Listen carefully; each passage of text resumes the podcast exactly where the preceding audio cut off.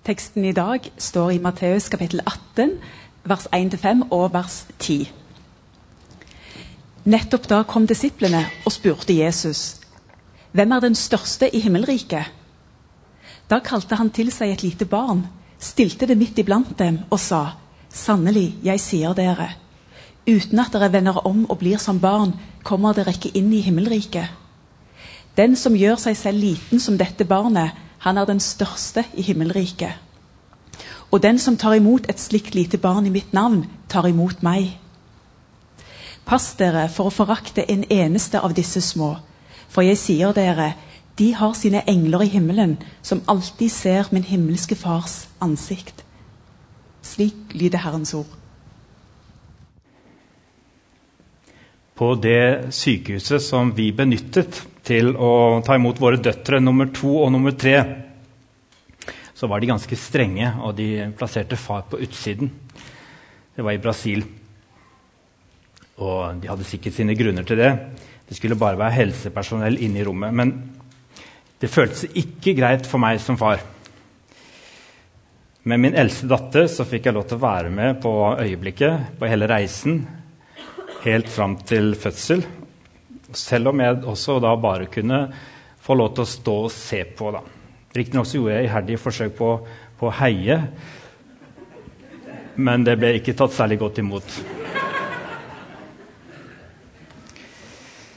Øyeblikket på fødestua når barnet ankommer, det kan egentlig ikke beskrives med ord. Det er helt fantastisk. Det nyfødte barnet det har i vår samfunn en status som er egentlig ganske voldsom i forhold til det den har hatt til andre tider. Enten du er født som jente eller gutt i Norge, så er det noe av det aller viktigste som finnes, og det blir egentlig gitt ganske stor oppmerksomhet, og det er flott. Foreldre, familie og venner de gleder seg over den nyfødte. Det har ikke alltid vært sånn. Jentebarn hadde lavere status enn guttebarn. Og de fikk ikke mulighet til utdannelse eller tilgang til det offentlige liv. Barn av slaver ble sett på som eiendom og hadde bare verdi som arbeidskraft. Barn som ikke var ønsket, de kunne man kvitte seg med. De kunne bli satt ut i skogen eller druknet. Midt i denne tiden, da det var sånn, så er det at Jesus ble født. Det var noe som skjedde med selve synet på barn allerede fra det øyeblikket. Kanskje var det fordi eh, Gud selv valgte å starte opp som et nyfødt barn. Han kom liksom ikke rett ned som en voksen og begynte å forkynne. Nei, Han gikk alle stegene fra å være et, i mors mage og fødselen barndomslivet og alt. Og Da tror jeg også at det var med å gi en slags status. Man skjønte plutselig oi, da må jo barna være også veldig viktige. Når Gud kunne ta seg bryet med å bli et barn. Eller kanskje var det først da Jesus begynte å forkynne, at noe begynte å, å skje. Han hadde et helt annet blikk for barna enn folk flest i samtida. Jesus snudde opp ned på hierarkiet, og han gjorde barna til forbilder. Disiplene de var i gang med en av disse trøttende samtalene sine. og De hadde opptil flere av dem. hvis dere leser godt i evangeliene. Hvem kommer til å være viktigst og, og størst i ditt rike, Jesus? I himmelriket? Innforstått? Blir det meg eller Johannes? Og Som vanlig så, så setter Jesus sånn hierarkisk tenkning kraftig på plass med overraskende svar. Sannelig, jeg sier dere uten at dere vender om og blir som barn, kommer dere ikke inn i himmelriket engang. Den som gjør seg selv liten som dette barnet og da ser jeg for meg at Han tok et barn som sto i nærheten, og tok det inn, og så løftet han det opp, og så sa han Han er den største himmelriket, som blir som dette barnet. Pass dere for å forakte en eneste av disse minste små. Det er jo noen som sier at vi alltid må være vennlige romslige og runde i kantene når vi, når vi, snakker til folk, sånn at ingen føler seg støtt. Jesus han må av og til ha snakka på en måte, i hvert fall til disiplene sine, sånn at de følte seg litt støtt og tråkka på. Men det var virkelig når han hadde noe viktig som skulle bli forstått og sagt. Og han gjorde mer med disiplene sine og med ledere rundt seg enn han gjorde med de små. De han mente burde vite bedre, de fikk høre. Fra hans side så var det aldri uttrykk for forakt eller noe ønske om å fryse noen ut, men han sa ifra om det som var rett. Og Det å gjøre seg selv viktig på bekostning av andre, det visste Jesus å utfordre. Så jeg tror de fleste av oss som kaller oss disipler av Jesus, vi har en ganske klar oppfatning av at uh, alle mennesker er like verdifulle. Det er noe på en måte som vi har litt med oss i ryggraden, tror jeg faktisk, i vår kultur. Men vi har nok et kommunikasjonsproblem. For jeg møter ganske mange som går med en opplevelse av at de er mindre verdt. Kanskje ikke så mye for det de gjør, men for det de er. Jeg øver meg på å ikke automatisk gå i forsvar når jeg hører mennesker fortelle om sånne opplevelser. Jeg prøver å lytte. Hva vil Jesus ha utfordra meg på når det gjelder mine holdninger og handlinger? Men dette barnet han tok fram og løftet opp, det kan ikke bare ha vært som et sånt retorisk poeng, som et redskap for å få satt disiplene på plass. For at de skulle slutte å, å, å sammenligne seg og være selvopptatte på sin egen viktighet. Jesus kom faktisk med en helt ny lære, en helt ny teologi om barna. For det skjedde noe sakte, men sikkert ettersom kirkene tok større plass i lokalsamfunnene. Barn begynte å bli regna som mennesker med samme verdi som voksne. Og Det var ingen selvfølge. Det var de første kristne kirken som startet barnehjem for de som ikke hadde foreldre til å ta seg av barna. Menighetene begynte relativt tidlig å gi barna opplæring i den kristne tro. Dette ble forløperen for skolevesenet som vi har i dag, og som vi tar som en selvfølge. I hvert fall i Norge. Det var faktisk en av mine lærere på Misjonshøgskolen, det som nå heter VID, Odd Magne Bakke, som jeg ikke er i slekt med. Det var faktisk han som professor i kirkehistorie gjorde en, eh, et veldig viktig forskningsarbeid på dette med barnas plass i de første kristne århundrene, eller i samfunnet på den tiden. Han skrev en bok, i 2005 kom den ut. Den het 'When Children Became People'. The Birth of Childhood in Early Christianity. Og den har fått anerkjennelse for banebrytende forskning. Der påviste Odd Magne hvor avgjørende kristendommen var for synet på barnas verdi fra og med de første århundrene etter Kristus. Jesus forandra verden ved å løfte fram barna. For det som opplevdes som veldig lenge siden, men som ikke egentlig er så lenge siden, for det var under korona, så gjorde jeg et intervju med Gøran Byberg.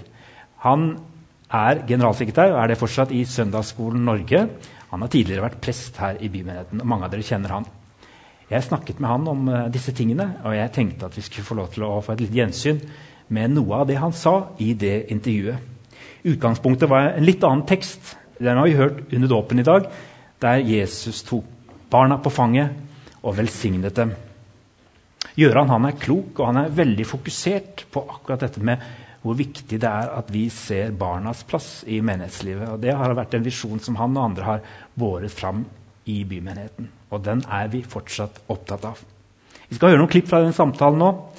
For det han sier, er minst like aktuelt. Hva er det som utfordrer deg med denne fortellingen om Jesus som velsigner barna? Jeg tror det, altså, det er ting som utfordrer både personlig og, og, mer sånn uh, faglig. Jesus var jo veldig forut for sin tid. Mm på dette området. Det, altså, for å trekke dette helt ned på mitt nivå når jeg gikk på søndagsskolen, mm. så hadde jo jeg en opplevelse at vi måtte pugge mye. Ja. Og vi måtte ha en mye kunnskap. Det var det det dreide seg om. Voksne som kom og fortalte meg hva jeg skulle kunne, hva jeg skulle vite om, om kristen tro. Litt sånn eh, som ei tom bøtte som skulle fylles med et eller annet. Litt sånn objektivisering. Og mye gikk jo på dette med å kunne kunnskap og moral. Mye mer enn relasjonen til Jesus, mm. som jo er det primære, tenker vi i dag, i troslivet vårt. Det som Jesus kom med i denne teksten, det har nok gjort at eh, vi har utvikla som kirke vi har utvikla som samfunn i en retning der vi oppfatter mer og mer barnet som en egen hel person, mm. med en egen hel tro. Mm. Men i det der så tenker jeg vi har en slags Altså, vi vet det. Mm. Vi vet at vi skal på en måte se på barn som subjekt og med, med helt fullstendig tro. Men eh, jeg tar meg sjøl i det gang på gang, både for mine egne unger og i andre settinger, at, eh, at jeg vil gjerne lære dem noe. Jeg vil gjerne overføre et eller annet som jeg syns er viktig. Og så blir jeg stående der som den som gir, og så skal den ungen ta imot. Og så opplever jeg ikke den dynamikken som kunne vært i den relasjonen med trosformidling. Fram og tilbake. For jeg tenker altså i, i, mine beste øyeblikk så tror jeg jeg lærer minst like mye som et barn mm. i møte med barn, enten det er en stor flokk eller en til en som barnet opplever sammen med meg. Altså, ja, og jeg tror den læringen der den er noe av det Jesus peker på. Jeg tror Gøran rører ved noe utrolig vesentlig i dette at vi skal slutte å behandle barna som objekter. At de er subjekter. Det betyr jo ikke at vi skal slutte å drive med trosopplæring der de skal lære og bli kjent med fortellingene og flytte inn i dem. Men vi kan ofte lære like mye av barna i deres måte å åpne fortellingene på og bli kjent med Jesus på. Når vi er sammen i samme rommet, så er det ofte vi som, som blir elevene fordi barna har et blikk og en måte å møte Jesus på som er helt unikt. Deres spørsmål, deres væremåte, må på en måte være på plass. Jeg tror det var essensen av Jesu ord det var at Jesus sa at eh, det som måtte være på plass for den som tilhører Guds rike og ønsker å bære en tro, ha en relasjon, det kan vi lære av barna. Og så var jeg nysgjerrig på hva Gøran trodde var karakteristisk for barna og som vi voksne trenger å lære av dem for å forstå Gud og Jesus. Hva tror du han konkret mente at vi kunne lære av barna? Jeg vet ikke, Det er gjort litt sånn forskning på dette. og Det er altfor lite til på en måte å sette dette helt opp eh, som en sånn mal. Men en eh, finsk pedagog som heter Tommy Helsten, han, han har sett på dette her med hva er det vi hadde som barn av egenskaper som vi kanskje mister noe av inn mot voksen alder. Og så har han kalt det for barneegenskaper. En barneegenskap kan være Han har gitt dem litt navn, da. Det kan være eh, avhengighet, tillit, sannferdighet. Det med å oppleve en slags um, trygghet for at livet er greit her og nå. Kreativitet, evnen til undres, nysgjerrighet, evnen til å klage. Dette er ting som han kaller for barneegenskaper. og jeg tenker, Iallfall i mitt liv akkurat nå så tenker jeg litt som så at dette er, dette er ting som jeg kjenner igjen. Som jeg har kanskje hatt mer av når jeg var liten enn jeg har nå. Og som kanskje er noe for meg å strekke meg etter når det gjelder livet og det å være en, en voksen disippel i Guds rike så er det dem som sier men barna får da veldig mye oppmerksomhet nå i samfunnet enn det de fikk tidligere. Vi er blitt bedre på dette, er vi ikke? Og på noen områder så er vi kanskje det. Og det er også sånn at På et vis så vil jeg si at min generasjon er flinkere ikke minst til det å være med på barnas banehalvdel, være med der det skjer, enn det kanskje generelt ofte forrige generasjon var. Da var det mye mer det at barna skulle være med på det de voksne gjorde. Men kanskje likevel denne voldsomme interessen for å heie fram våre barn, som vi opplever i dag, den kan også skape noen litt sånn utilsiktede konsekvenser som paradoksalt nok hindrer barna i å få være bare barn. Det rapporteres om at mange barn går rundt med urealistisk høye forventninger på sine skuldre til å måtte være unike, helt spesielle. Er ikke det bra? Var det ikke egentlig det Jesus ba oss om, at vi skulle se på barna som helt spesielle? Ja, men det skulle skje på deres premisser, og ikke på oss voksnes premisser. Ikke på storsamfunnets premisser. Du får høre ofte, sier de, at barna får høre verden ligger for dine føtter. Du har all verdens valgmuligheter. Allerede nå kan du begynne å velge fritt. Her, her er forventningene, mulighetene. Og i mulighetene så ligger det også av og til en byrde på barnas skuldre. For de får plutselig, plutselig må de ta stilling til kanskje mer enn det de skulle gjøre på et litt for tidlig tidspunkt. Da det først og fremst skulle handle om, om lek og kreativitet og det å bare utforske verden uten nødvendigvis å måtte ta stilling til alt. Hva er det som driver deres ambisjoner og drømmer? Er det en sunn egenkjærlighet? Eller er det en betinget kjærlighet der man er mål for noen andres behov for å sette avtrykk? Kan det også være at vår tids misbruk av barn er noe av dette.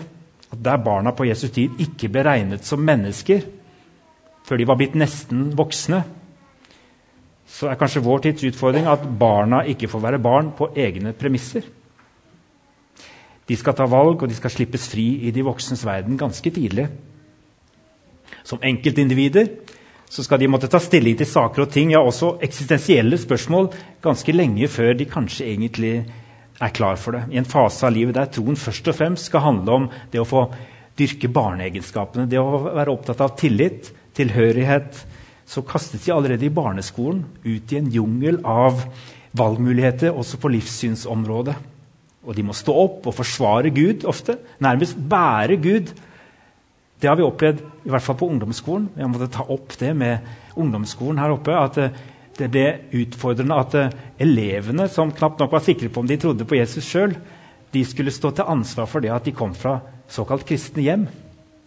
Ja, du som er kristen, er vi litt tidlig ute med å skape en forventning på individnivå selv om det er aldri så viktig å forkynne ordet og la barna bli en del av et kristent fellesskap tidlig og ta stilling, for det er mange som gjør det tidlig, men samtidig ikke forvente at det er nå det er nå du må bestemme deg, du aleine. For i Bibelen og i det samfunnet som Jesus forkynte inn i, så var det kanskje mye som var galt i møte med barna, men noe hadde de rett. Og det var at tro det var sjelden noe som skjedde på individnivå. Tro det var noe som skjedde i fellesskapet, i storfamilien.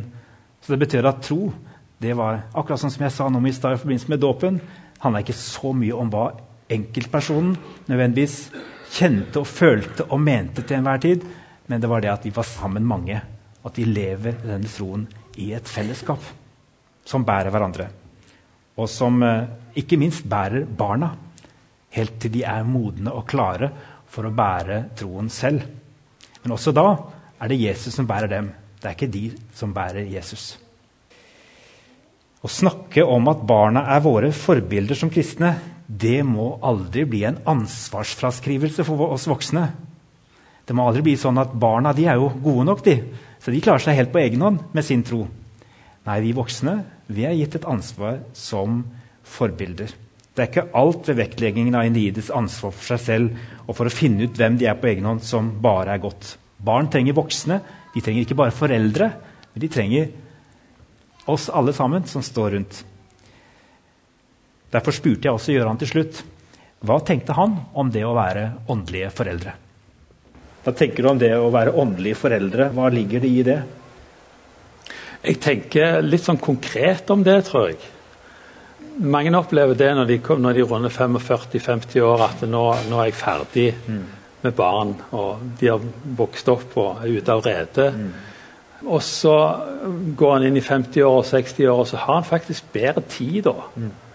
Og han har egentlig mer ressurser til å gi til barnet enn han hadde når han var i småbarnsfasen sjøl, for da hadde han mye, mye styr å holde rede på. Så jeg husker når jeg var på Klepp, da, helt i starten, jeg var prest, så, så så jeg på alle de over 70, altså eldre mannfolk, mm. som hadde et voldsomt barnetekke. Ja men som overhodet ikke brukte seg inn mot barnearbeid. De så gjerne i et styre her eller et styre der og var med mente ting. Mm. Men i den relasjonen så kunne de betydd noe voldsomt flott i unger sitt liv. Mm. tenker jeg Hadde en engasjert seg i, i den delen av menighetslivet. Takk skal du ha for praten, Gøran. Og Guds velsignelse i det kjempeviktige arbeidet du gjør i søndagsskolen. Vi heier på deg, og vi står i ryggen og er veldig glad for den støtten vi får fra søndagsskolen inn i vårt arbeid i bymenigheten. Takk skal du ha. I likeså. La oss be. Herre Jesus, vi som sitter her, for det meste voksne, noen unge voksne, noen ungdommer, vi ber om at du fortsetter å ta oss i skole så vi kan lære av barna. Velsign vår menighet. I Jesu navn. Amen.